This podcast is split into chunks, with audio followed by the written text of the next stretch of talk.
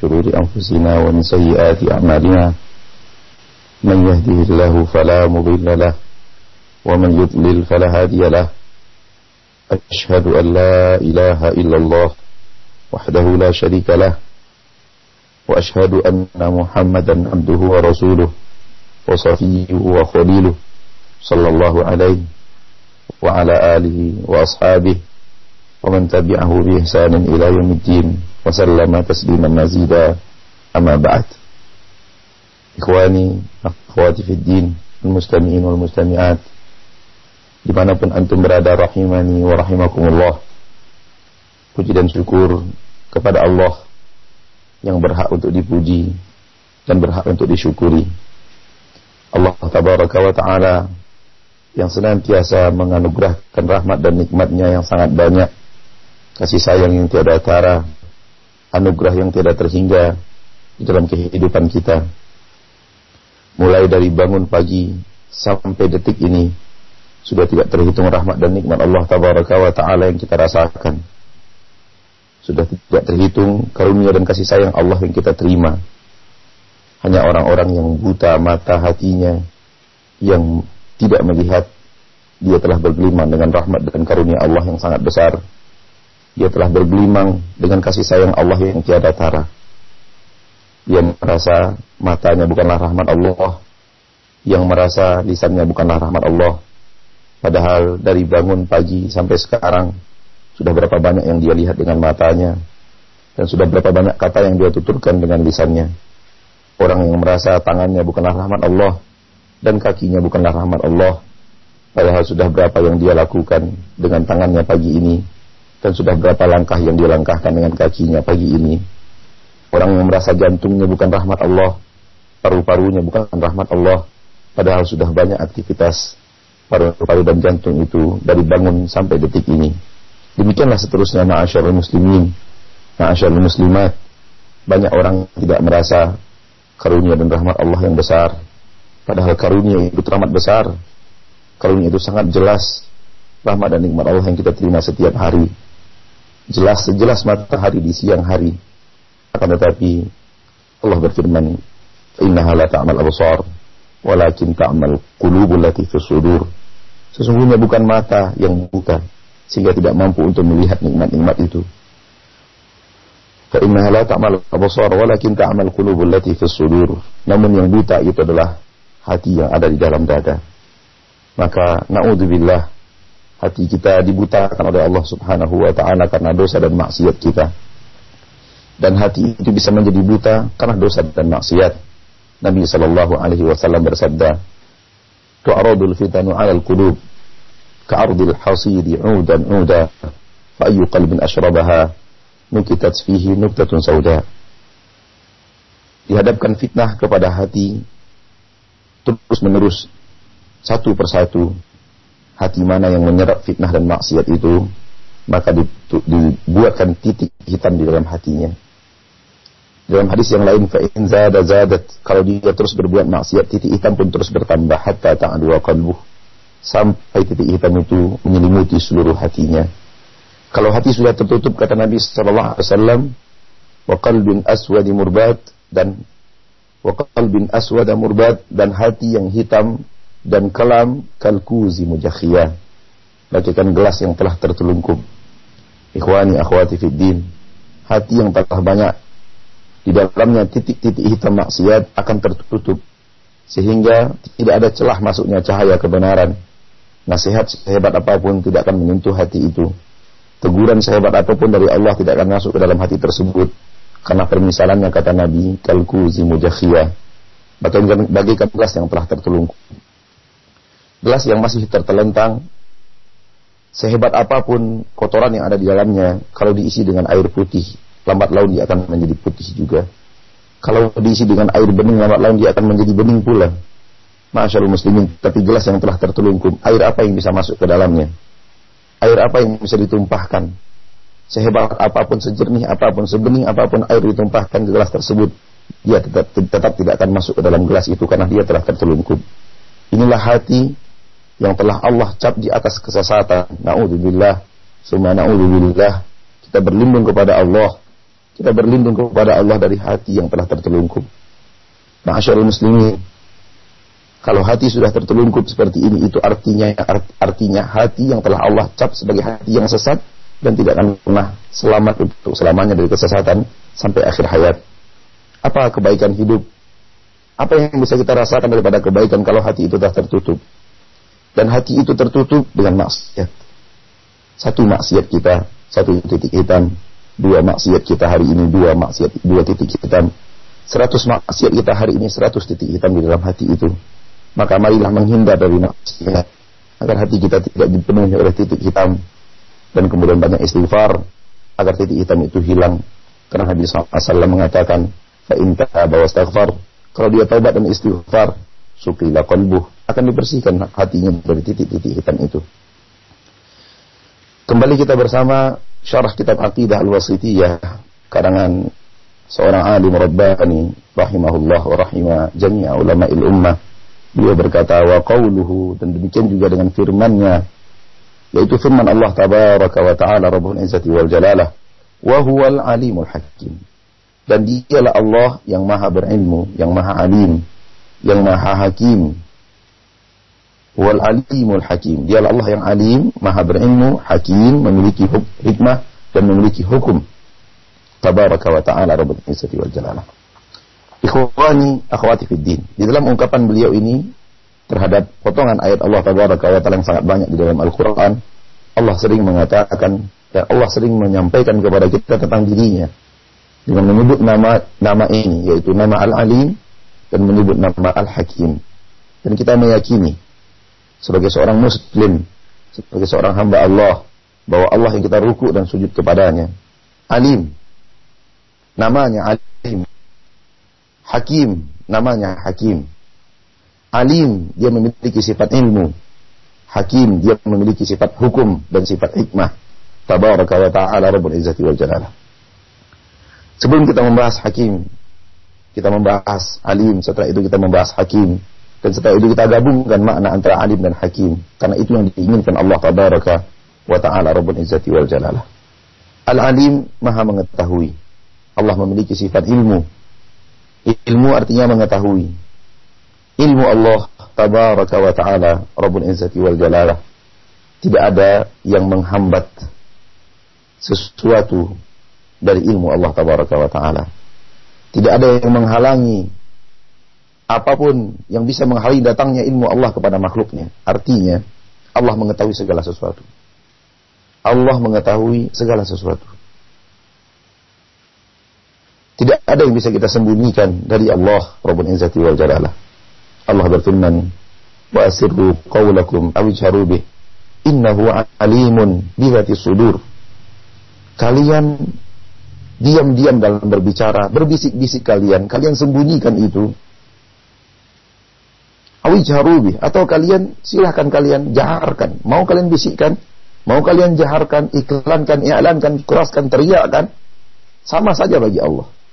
Mau kalian sirkan kata-kata itu atau mau kalian jaharkan kata-kata itu sama saja sama saja bagi Allah wa taala. Kenapa? Allah sebutkan sebabnya. Innahu alimun. Sesungguhnya dia adalah alim maha mengetahui. Dia itu maha mengetahui apa yang ada di dalam dada Allah tabaraka wa taala ilmunya yastawi fihi sirru wal alaniyah. Sama saja bagi Allah, disembunyikan atau di, di, dijaharkan. Manusia adalah makhluk yang lemah. Manusia adalah makhluk yang lemah. Kelemahan itu terlihat kata-kata manusia yang kita dengar hanya yang jahar. Namun sir kita tidak tahu. Dan boleh jadi manusia yang memuji kita, sebenarnya dia mencaci kita. Namun kita telah pula merasa bangga dan bahagia dengan pujian itu. Padahal hati orang yang memuji itu penuh dengan carut marut. Hati orang yang memuji kita itu penuh dengan cacian dan makian. Hati orang yang memuji kita itu penuh dengan rasa benci. Padahal dia menzahirkan pujian. Menampakkan pujian. Tidakkah orang munafikin di zaman Rasul kita tercinta sallallahu alaihi wasallam dengan fasihnya mengatakan innaka la Rasulullah Sesungguhnya engkau benar-benar Rasulullah.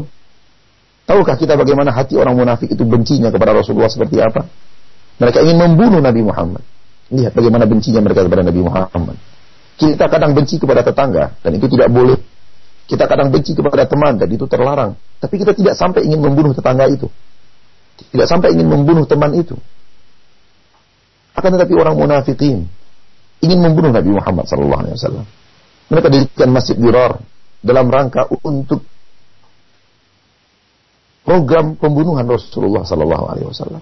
Mereka datang ke kota Mekah mengajak orang musyrikin Mekah untuk menyerang di tahun kelima sehingga terjadilah perang Ahzab untuk membunuh Nabi Muhammad sallallahu alaihi wasallam. Banyak hal yang mereka lakukan, pengkhianatan untuk melenyapkan nyawa Nabi kita tercinta sallallahu alaihi wasallam. Demikianlah bencinya mereka kepada Rasulullah SAW. Dan Rasulullah tahu itu. Tahu kebencian orang-orang munafikin. Dan tahu nama-nama orang munafikin. Akan tetapi hikmah Allah tabaraka wa ta'ala maha luas. Di mana Rasulullah tidak memperlakukan umat dengan apa yang ada di dalam hati. Islam hanya menoleh kepada zahir. Kita hanya boleh memandang zahir. Yang ingin kami sampaikan, yang ingin kita sampaikan, masyaallah muslimin dan muslimat adalah bahwa kita manusia yang lemah. Kita manusia lemah. Kita tidak tahu orang memuji kita apakah benar dia memuji dengan ikhlas. Atau di dalam hatinya penuh dengan kedengkian, kebencian kepada kita. Dan itu bisa saja terjadi. Namun karena kita lemah, akhirnya kita tertipu dengan pujiannya. Dan boleh jadi pujian dia lakukan itu untuk menghanyutkan kita.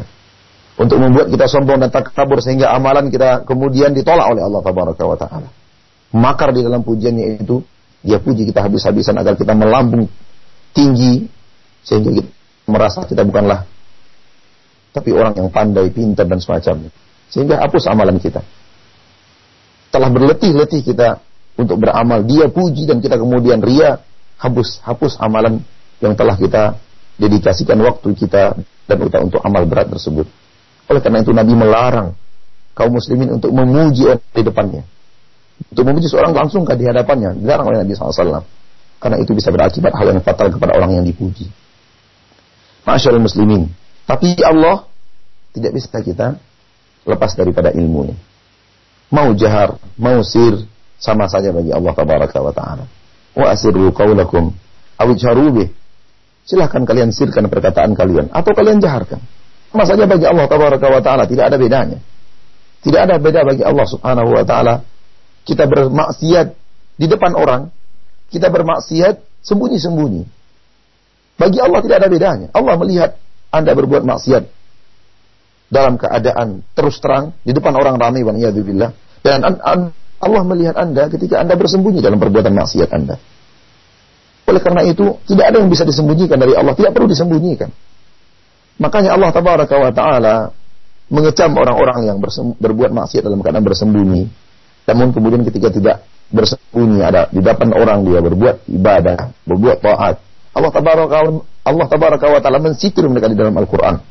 Allah mengatakan, "Yastakhfuna minan nas wa la min Allah."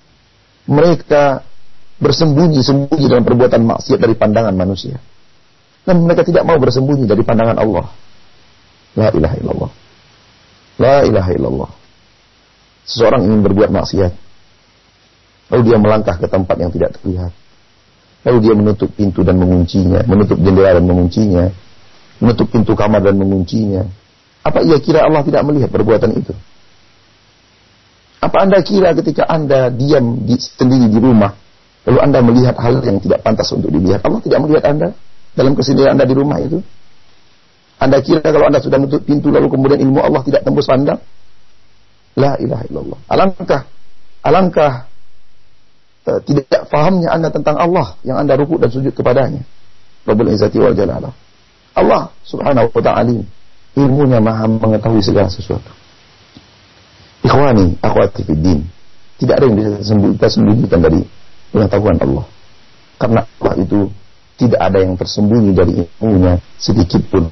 Dia mengetahui segala sesuatu. Dia melihat segala sesuatu. Dia mendengar segala sesuatu. Allah melihat perbuatan kita. Allah mendengar per perkataan kita. Lalu ada apa? Setelah kita tahu Allah melihat. Ada apa setelah kita Allah mendengar? Yang lahir harusnya Ya Allah, lihatlah amal solehku. Itu yang harusnya lahir. Dengarkanlah perkataan solehku. Itu yang seharusnya lahir. Kalau kita menghindar dari maksiat agar Allah tidak melihat kita berbuat maksiat. Kalau kita menghindar dari perkataan maksiat agar Allah tidak mendengar kita ber, berkata-kata dan berbincang maksiat. Itu yang harusnya lahir. Akan tetapi ketika tidak ingat kepada Allah, semua maksiat dilakukan manusia. Mayoritas mereka tidak ingat kepada Allah. Mayoritas maksiat terjadi di saat pelaku maksiat itu tidak lagi ingat kepada Rabbnya. Kalaulah diingat kepada Rabbnya, maka kalaulah manusia ingat kepada Rabbnya, maka jumlah maksiat akan mengecil. Jumlah maksiat akan minim. Kalau manusia ingat kepada Allah, makanya kenapa zikir kepada Allah itu adalah ibadah yang besar dalam agama Islam. Kenapa zikir kepada Allah ingat Allah Taala adalah ibadah yang besar dalam agama Islam. Dan kenapa segera gerik kita disuruh kita membaca zikir. Mau toilet baca zikir. Mau keluar rumah baca zikir. Mau makan berzikir. Mau minum berzikir. Setelah makan berzikir. Mendengar azan berzikir. Semua itu untuk mengingatkan kita kepada Allah. Dan buat hubungan kita dengan Allah. Tabaraka wa ta'ala tidak putus dan tidak terhenti. Agar kemudian terjauh kita daripada maksiat. Agar kemudian kita kepada Rabb kita jaga wa'ala. Rabbul Izzati wal Jalalah. Wa Rabbul Jabarut. Wa Malakut. Wa Al Azamah. Sehingga apabila seorang hamba tidak ingat lagi kepada Rabbnya, sudah hilang dari, dia dari pandangan Rabbnya. Dia Rob tidak lagi memandangnya. Perasaannya, padahal Allah memandang. Allah mengetahuinya. Ketika yang terlihat adalah pandangan mata manusia. Dia pun merasa, kalau tidak ada yang melihat, aman. La ilaha Betapa seringnya hati ditipu oleh syaitan. Dengan cara seperti ini. Kalau sudah tidak ada orang berarti aman. Kalau sudah tidak ada istri di rumah berarti aman. Sudah tidak terlihat oleh tetangga berarti aman. Sudah tidak ada orang yang kenal kepada kita berarti aman. Walaupun manusia banyak, tapi tidak, ada yang kenal kepada kita. Berarti aman sudah. La haula wala quwwata illa Amin man sama. Apakah kalian merasa aman dari Allah yang ada di langit? Apakah merasa aman dari tatapan Allah yang berada di atas ars? Bagaimana kita akan lepas pandangan itu? Bagaimana kita akan lepas daripada pendengaran itu? Yang kita berbisik di hati dia tahu. Apalagi ucapkan dengan lisan. Maka Allah alim, maha mengetahui segala sesuatu.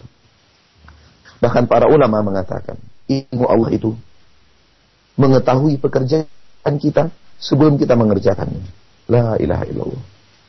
La ilaha illallah Muhammad Rasulullah. Allah tahu pekerjaan kita sebelum kita tahu pekerjaan kita. Begitulah dahsyatnya ilmu Allah. Begitulah hebatnya pengetahuan Allah. Allah telah tahu. Allah telah tahu ma'asyal muslimin. Pekerjaan kita sebelum kita kerjakan. Allah telah tahu. Abu Jahal akan wafat di atas kesyirikan. Abu Lahab wafat di atas kesyirikan. Aun tenggelam di atas kesyirikan. Haman dan Korun tenggara, Haman dan Korun mati di atas kesyirikan. Allah tahu itu. Sebelum mereka tewas. Abu Jahal sebelum tewas di perang Badar, Allah telah tahu dia akan tewas di atas kesyirikan. Dan demikian juga Allah akan tahu bahwa Abu Bakar akan wafat di atas ketaatan. Umar akan wafat di atas ketaatan. Umar akan wafat di atas ketaatan. Utsman akan wafat di atas ketaatan. Ali akan wafat di atas ketaatan. Radhiyallahu anhu. Oleh karena itu tidakkah kita pernah mendengar Nabi Muhammad sallallahu alaihi wasallam bersama Abu Bakar, bersama Umar, bersama Utsman radhiyallahu anhum sedang berada di gunung Uhud. Lalu gunung Uhud itu bergetar. Entah apa yang membuatnya bergetar. Mungkin rasa takutnya, rasa mungkin rasa hormatnya kepada orang yang sedang ada di atasnya. Gunung mempunyai pengetahuan tentang manusia. Gunung tahu siapa yang naik ke atasnya. Bebatuan itu makhluk Allah dan dia hidup. Dia hidup masyarakat Hanya kita memandangnya mati. Di zaman Rasul kita SAW hidup. Ketika Rasulullah SAW hidup, Tuhan pernah terdengar mengucapkan salam kepada Nabi Muhammad SAW. Berarti mereka adalah hidup. Ketika itu Uhud bergetar, Uhud bergetar. Di atas Uhud itu ada Nabi Sallallahu Alaihi Wasallam, manusia terpilih di permukaan bumi. Ada Abu Bakar, Umar, dan Utsman. Nabi berkata kepada Uhud, Usbut ya Uhud. Tenanglah wahai Uhud. Inna alaiki, fa inna alaika, sesungguhnya di atasmu sekarang Nabiun, seorang Nabi. Wa siddiqun, seorang siddiq. Wa syahidan, dan dua orang yang akan mati syahid. La ilaha illallah. Nabi mengatakan tentang Umar dan Utsman, dua orang yang akan mati syahid. Tidakkah ini menunjukkan Allah telah tahu bahwa Umar akan mati syahid ketika dia sholat subuh. Lalu ada orang yang meninggalnya, wafat di atas tikaman orang-orang jahat karena Abu Umar membela agama Allah. Ini syahid, ini syahadah. Tidakkah Allah tahu Utsman ketika itu sedang berada di atas gunung Uhud. Lalu ia akan meninggal dalam keadaan ditusuk. Juga ditusuk dengan pedang. Ketika dia sedang membaca Al-Quran di sore hari.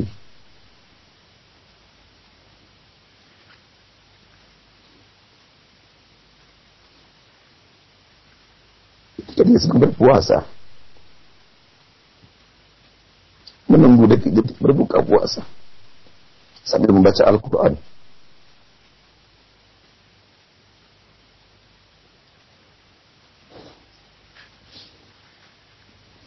Ketika itu dia ditusuk. Radiyallahu anhu. Alangkah nikmatnya hidup.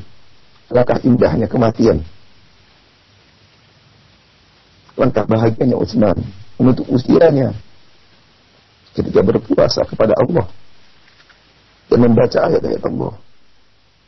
Bagaimana kita dengan kematian masyarakat muslimin? Bagaimana nanti akhir hidup kita? Sedang apa kita akan diwafatkan Allah?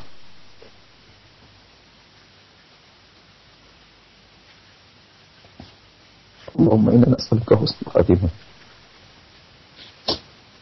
Ma'asyarul muslimin. Ma'asyarul muslimat. Uthman dan Umar masih hidup. Dan Nabi mengatakan, di atasmu ada dua orang syahid. Dan itu dia dikatakan kepada Siddiq. Kepada Abu Bakar tidak dikatakan syahid. Nabi mengatakan Siddiq. Karena dia tidak tertusuk radhiyallahu an. Dia wafat karena sakit radhiyallahu an.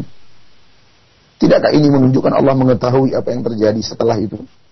Bagaimana kehidupan Umar dan Utsman setelah itu? Bagaimana wafatnya Umar dan Utsman dan mewahyukan kepada nabinya sallallahu alaihi wasallam bahwa Umar dan Utsman wafat sebagai syahid tertusuk radhiyallahu anhu wa adami ashabi Rasulullah sallallahu alaihi wasallam. Itu artinya sebelum kita berbuat Allah telah tahu apa yang kita perbuat. Lalu apa gunanya bersembunyi? Apa gunanya bersembunyi? Yang benar adalah bertekad untuk selalu dilihat oleh Allah terbaik. Bertekad, bertekad, masyaallah muslimin, muslimah, bertekad untuk selalu di atas ketaatan. Kalau Allah melihat keseriusan kita bertekad di atas ketaatan, Allah akan mudahkan jalan ketaatan itu. Allah akan mudahkan jalan ketaatan itu. Walladzi jahadu fina subulana orang yang bersungguh-sungguh untuk mencari jalan kami. Pasti akan tunjukkan jalan kami itu. Namun kita serius. Kita lalai. Kita tidak serius. Oleh karena itu, janji Allah memberikan hidayah pun tidak kita raih. Padahal Allah berjanji memberikan kita hidayah dengan kita serius. Dengan kita ikhlas. Dengan kita mengharapkan ridho. Tidak mengharapkan ridho manusia. Mengharapkan balasan di sisinya dan mengharapkan balasan di sisi manusia. Kalau serius, Allah pasti akan tunjukkan jalan. Allah la yukhliful mi'ad. Allah tidak akan ingkar janji masyarakat ini. Jadi ilmu Allah luas. Bahkan mengetahui apa yang akan kita kerjakan padahal kita tidak tahu apa yang akan kita kerjakan. Wa ma tadri nafsun kasibu Suatu jiwa tidak tahu apa yang akan dia lakukan esok hari. Allah tahu itu. Allah tahu apa yang akan kita lakukan besok.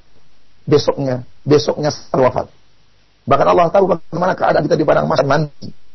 Allah tahu bagaimana kita, ber, kita ketika kita dihisap nanti. Allah tahu apakah kita nanti akan masuk surga atau masuk neraka. Allah tahu, masyarakat muslimin. Allah tahu. Allah tahu.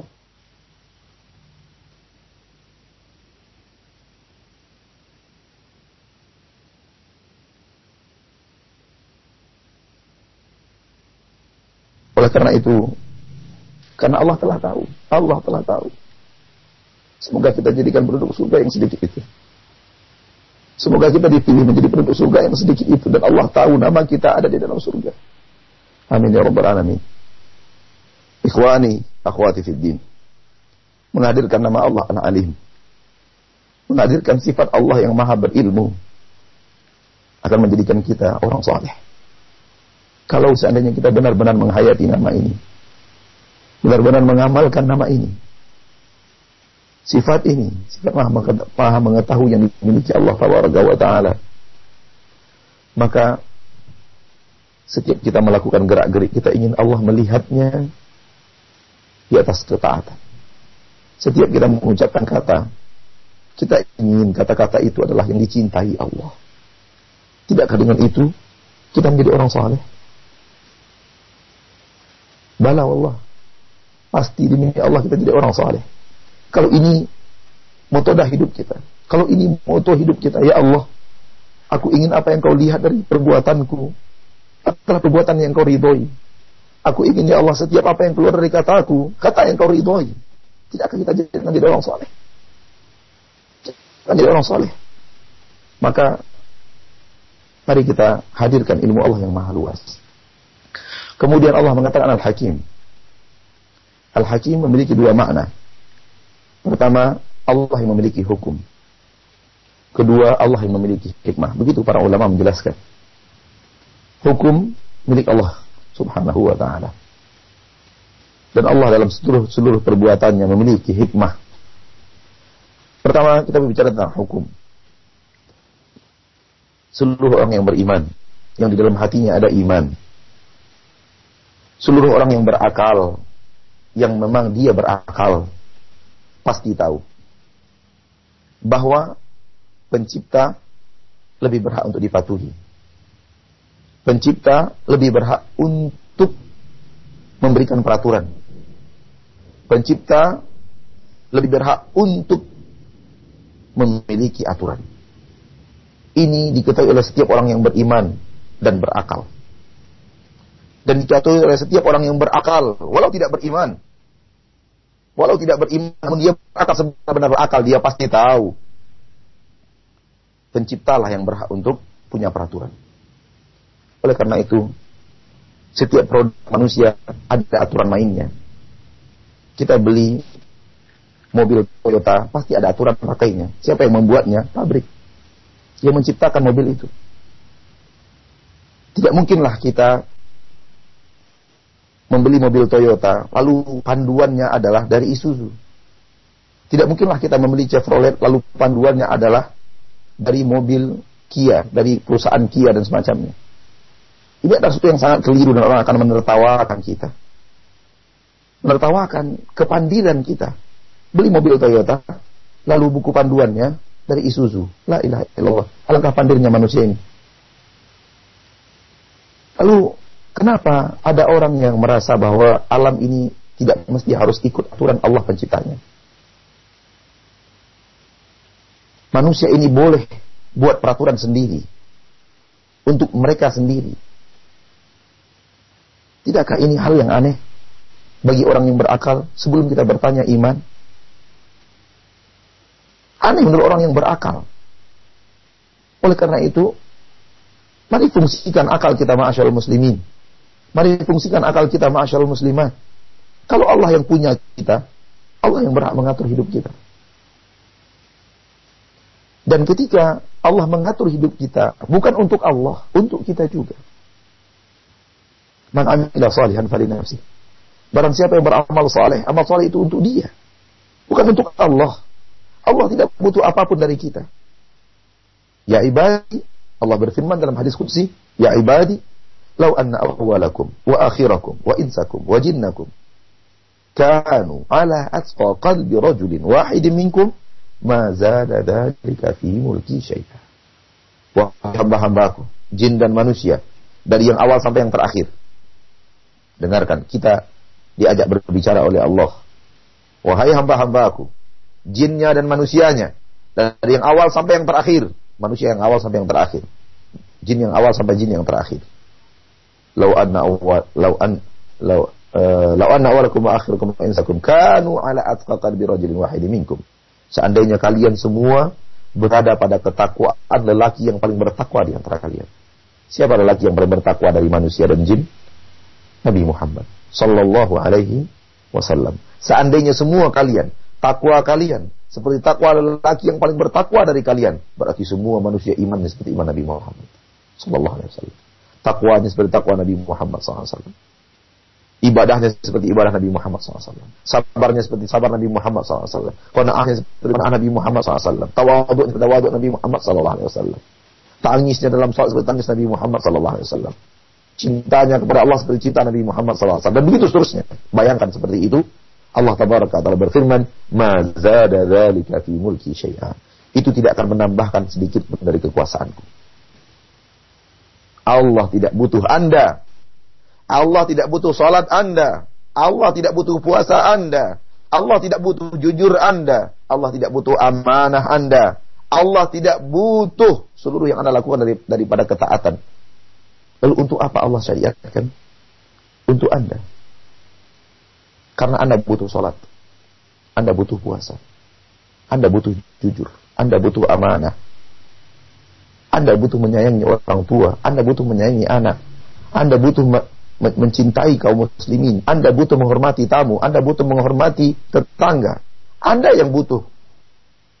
Makanya Allah syariatkan. Ini harus hadir. Bahwa Allah tidak butuh apa pun dari makhluknya. Kebutuhan kita untuk kita. Ibadah kita kembali kepada kita. Kita membutuhkan ketenangan. Ada di dalam sholat. Kita membutuhkan kedamaian. Ada di dalam puasa kita membutuhkan keamanan, ada di dalam berbuat baik kepada tetangga. Kita berbuat baik kepada tetangga, ada keamanan di sana. Kita membutuhkan kedamaian dan ketentraman di dalam kehidupan bernegara, ada di dalam taat kepada pemimpin dan pemimpin yang amanah kepada rakyat. Masya Allah muslimin camkan itu. Kita ingin negara kita stabil.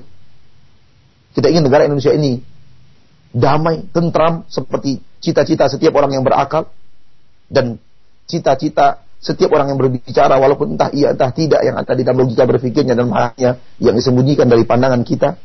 Tapi paling tidak dia ingin mendamaikan Indonesia dalam mulut. Di mulut dia mengatakan bahwa ingin mendamaikan Indonesia. Tidak ada jalan untuk mendamaikan Indonesia kecuali dua hal. Rakyat taati pemimpin pemimpin amanah kepada rakyat. Tidak ada jalan lain selain itu keluar dari jalur ini tidak akan ada kedamaian oleh karena itu kepada seluruh rakyat, taatlah kepada pemimpin. Selagi dia tidak menyuruh maksiat. Dan kepada seluruh pemimpin, amanahlah kepada rakyat. Anda akan diminta pertanggungjawaban oleh Allah di akhirat. Rupiah yang Anda selewengkan dari uang rakyat akan diminta pertanggungjawaban di akhirat.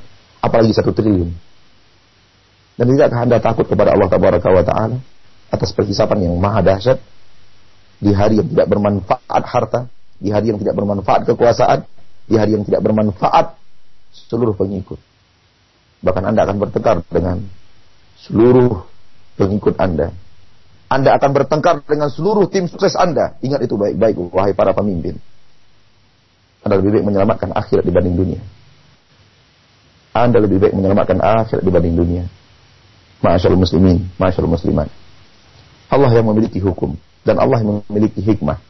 Di balik seluruh perbuatan Allah di permukaan bumi ada hikmah. Ada sebab kenapa Allah berbuat. Dan itu untuk kebaikan kita. Ada hikmah di balik setiap perbuatan Allah. Allah ketika berbuat bukan berbuat abas. Berbuat sia-sia. Asal dia mau berbuat dan berbuat. Di balik setiap perbuatan Allah tabaraka wa ta'ala ada hikmah. Ada hikmahnya. Namun kadang ilmu kita Allah yang tidak bisa menembus hikmah tersebut. Karena memang ilmu kita tipis. Ilmu kita kerdil. Kita tidak berilmu kecuali sedikit. Allah berfirman, "Wa ma utitu minal ilmi illa qalila." Kalian tidak diberikan ilmu kecuali secuil wahai manusia. Jangan sombong berilmu. Karena ilmu manusia ini secuil. Itu ilmu manusia terbaik di permukaan bumi, secuil cuma. Lalu apa yang perlu kita sombongkan dengan ilmu kita? Masyaallah muslimin wal muslimat. Hikmah di balik setiap perbuatan Allah tabaraka taala ada baik di dalam hikmah di dalam perjalanan alam semesta secara e, perjalanan alam atau hikmah di dalam di balik setiap individu manusia. Ketika orang diberikan kaya, ada hikmah di balik kaya itu. Ketika orang diberikan miskin, ada hikmah di balik miskin itu. Ketika orang diberikan jabatan, ada hikmah di balik jabatan itu. Ketika orang tidak diberikan jabatan, ada hikmah di balik jabatan itu. Ketika hari ini kita selamat, ada hikmah di balik selamat itu. Ketika hari ini kita ternyata insiden, ada hikmah di balik insiden itu. Dan begitu seterusnya. Seluruh perbuatan Allah tabaraka wa ta'ala di alam semesta ini ada hikmah di balik semua itu. Inilah makna hikmah dan kita gabungkan makna ilmu dan hikmah.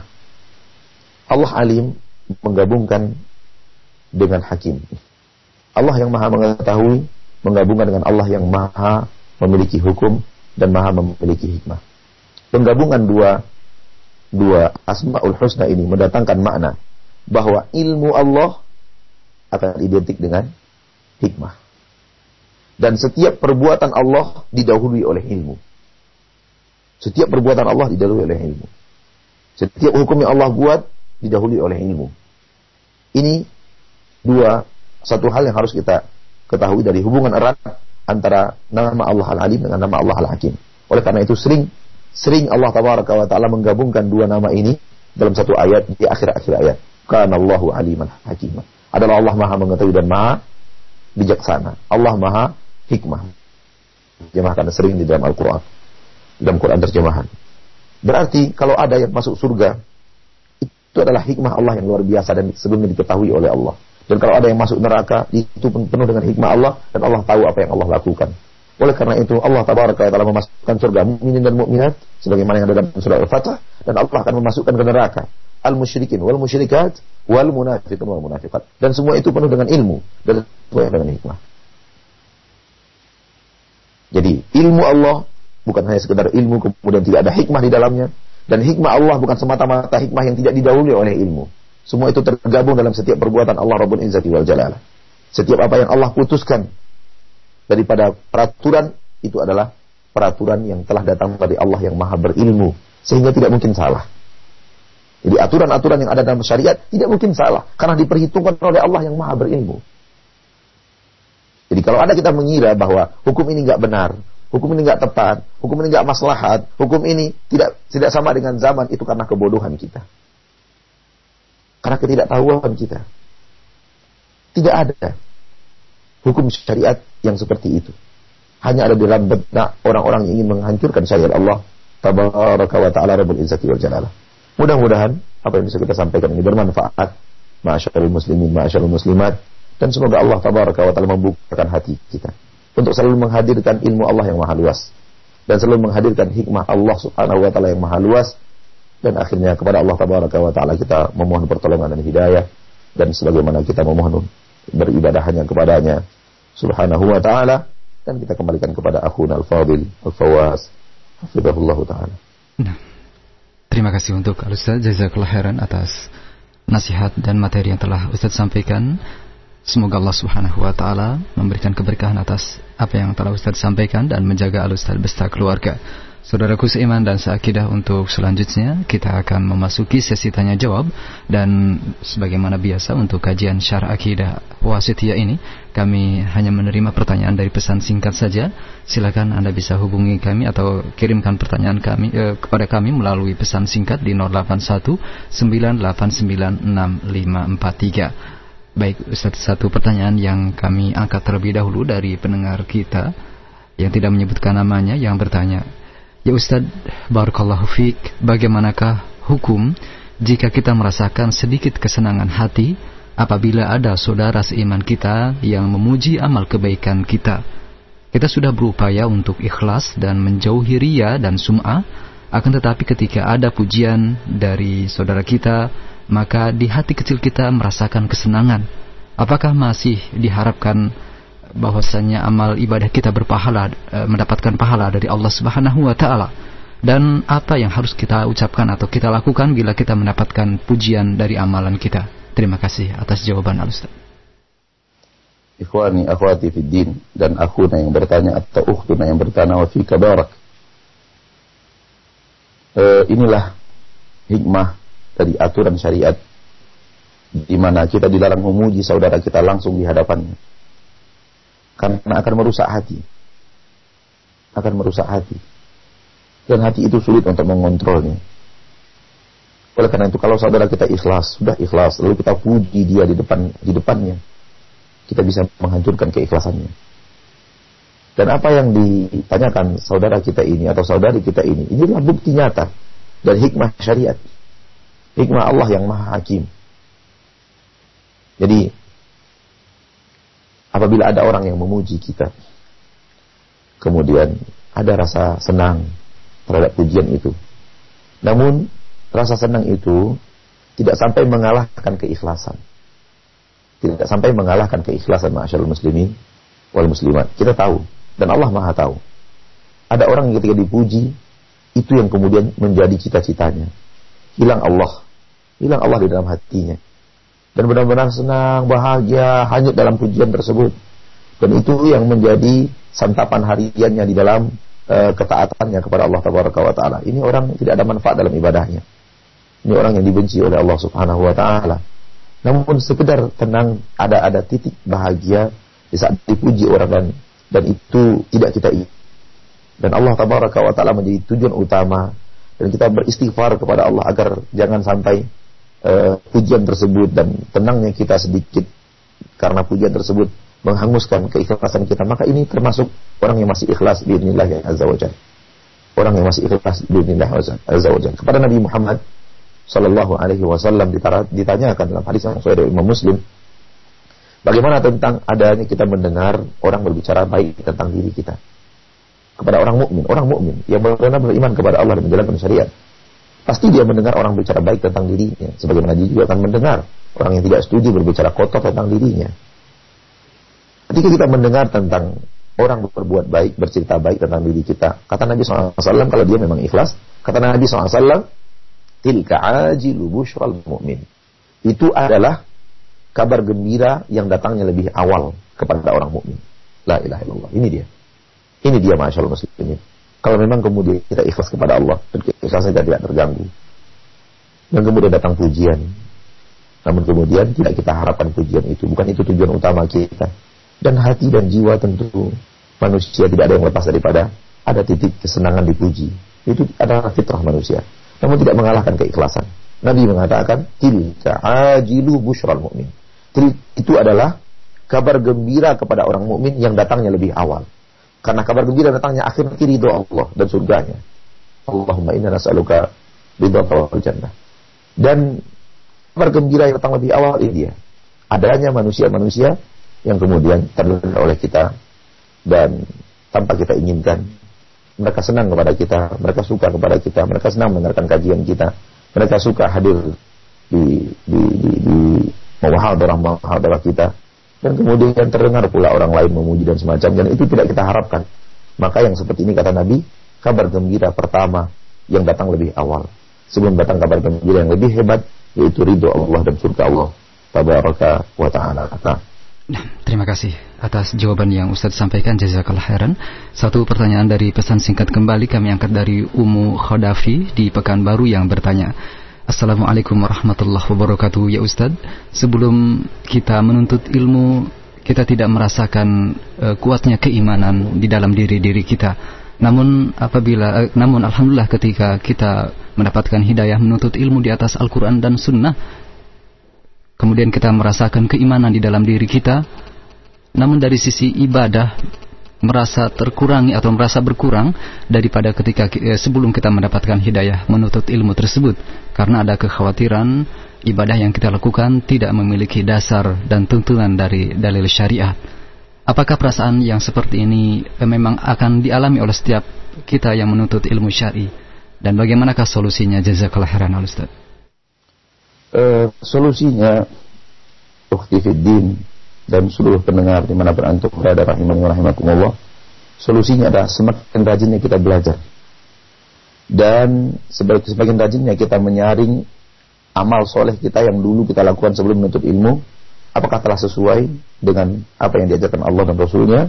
Apakah telah sesuai dengan apa yang disunnahkan Rasulullah SAW jadi tidak kita buang begitu saja. Mungkin ini salah yang dilakukan oleh saudari kita yang bertanya Begitu dia belum yakin dia buang amal solehnya. Bukan dibuang, disaring. Disaring. Jadi sebelum kita rajin berpuasa, setelah hadir pengajian kita rajin berpuasa, karena takut bahwa puasa kita itu tidak tidak benar. Bukan begitu caranya. Caranya adalah beli buku tentang puasa sunnah. Dan insya Allah buku itu bertebar di mana-mana kalau kita menginginkannya. Lalu kita kemudian kita mulai saring. Puasa kita yang dahulu, pertengahan Syaban misalnya, puasa di bulan Rajab kita tidak lakukan lagi. Karena itu tidak ada dasarnya dari syariat Islam. Kemudian puasa mutih, puasa ini dan semacamnya kita tidak lakukan lagi. Namun kita lakukan yang benar. Ternyata ada puasa Senin dan Kamis. Istiqomah kita di atas puasa Senin dan Kamis itu. Ternyata ada puasa ayamul bid. Berpuasalah kita di ayamul bid tersebut. Bahkan kalau kita mau mungkin ibadah puasa kita lebih baik daripada ibadah sebelumnya. Karena kita tahu ada ibadah puasa Nabi Daud. Hari ini berpuasa besok tidak, hari ini berpuasa besok tidak. Jadi bukan mengurangkan ibadah, menyaring ibadah, masyaallah muslimin. Ini yang harus kita lakukan. Mungkin mengurangi ibadah ini adalah jebakan syaitan dan tipu daya syaitan. Ditakutkan kita kepada bid'ah, lalu kemudian dihilangkan ibadah sunnah kita. Maka caranya bukanlah menghilangkan ibadah. Tapi ibadah kita yang lama kita saring. Yang masih sesuai dengan Al-Quran, kita jalankan. Yang tidak kita buang, lalu kita tambahkan dengan ibadah lain yang Selama ini kita tidak tahu dan sekarang setelah menuntut ilmu kita tahu. Dan insya Allah telepon para ustadz hidup terus 24 jam. Siapa pun yang kita telepon untuk bertanya dan menyaring ibadah tersebut. Allah alam. Baik, terima kasih atas jawaban yang Ustaz sampaikan. Ada tersisa 9 menit waktu kita. Ada pertanyaan yang berikutnya dari pesan singkat dari Bapak Asep di Bogor yang bertanya Assalamualaikum warahmatullah Ya Ustaz saat ini saya sedang Allah uji dengan kemiskinan dan kekurangan Mohon nasihat yang Ustaz berikan kepada saya dan keluarga agar bisa terus bersabar dan kuat di dalam menghadapi ujian kemiskinan dan kekurangan ini Jazakallah khairan al Ustaz Saudaraku yang bertanya dan siapa pun yang mengalami hal yang sama dengan pertanyaan ini dengarkan bahwa boleh jadi Allah tidak membuat Anda kaya karena kalau Allah buat Anda kaya, Anda akan masuk neraka. Boleh jadi Allah memilih kemiskinan untuk Anda karena Allah tahu kemiskinan inilah yang membuat Anda masuk surga. Camkan itu baik-baik. Berhusnuzonlah kepada Allah. Jangan suuzon kepada Rabb. Allah menyuruh kita berhusnuzon kepadanya. Ana inda dhanni abdi bi. Aku sesuai dengan zon hamba aku kepada aku. Kalau kita berusnudzon ya Allah ya Rabbku, timpakan kepada aku kefakiran sekarang ini. Aku berusnudzon kepadamu. Kefakiran inilah yang akan mengantarkanku ke surgamu. Insya Allah kita surga. Insya Allah kita surga dengan kefakiran ini. Antum kira iman antum kuat ketika berhadapan dengan harta yang melimpah ruah?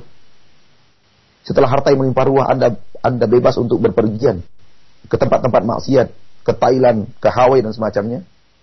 Anda kira ketika Anda memiliki harta yang banyak, tidak akan membeli barang-barang yang haram untuk Anda letakkan di rumah Anda? Lalu menonton tontonan yang haram, Anda punya uang untuk membeli seluruh tontonan-tontonan itu? Antum kira iman antum kuat berhadapan dengan harta? Jangan takabur. Jangan takabur, na'udzubillah min dzalik. Hiduplah sesuai dengan apa yang Allah takdirkan dan berhusnuzonlah kepada Allah Sang Pencipta. Allah tidak mungkin melakukan sesuatu tanpa hikmah. Allah tidak mungkin melakukan sesuatu tanpa hikmah. Anda sekarang ini ditimpa kefakiran, ada hikmah di balik kefakiran itu. Kaji hikmah itu dan lakukan. Kaji hikmah itu dan lakukan. Oleh karena itu, Masya muslimin. Dalam masalah dunia, Nabi memberikan resep yang luar biasa. Nabi memberikan resep yang luar biasa. Unduru ilaman huwa asfala minkum. Wala tanzuru ilaman huwa fauqakum. Lihat kepada orang yang di bawah kalian, jangan lihat ke atas. Jangan lihat orang yang lebih kaya daripada kita. Lihat orang yang miskin daripada kita. Saya miskin utat, ngantar masih pakai sepeda motor tahun tahun 97. Alhamdulillah, ada orang yang mengantar anaknya sekolah pakai sepeda. Ada orang yang mengantar anak sekolah jalan kaki. Saya miskin Ustaz, saya hanya pegawai rendahan ke servis gaji saya sedikit. Alhamdulillah. Ada orang yang tidak punya pekerjaan. Ada orang yang ngemis-ngemis. Ada orang yang makannya tergantung orang ngasih makan atau tidak. Ya Allah saya ya Ustaz saya miskin ya Ustaz. Saya hanya pegawai petugas uh, penjaga malam di sebuah perusahaan, di sebuah sekolah dan semacamnya. Alhamdulillah. Tidakkah Anda melihat di kolong jembatan di Jakarta itu apa yang terjadi? Tidak Anda melihat di sungai Ciliwung itu apa yang terjadi? Lihat ke bawah, Masya Allah muslimin. Masih ada orang di bawah kita. Masih ada orang di bawah kita.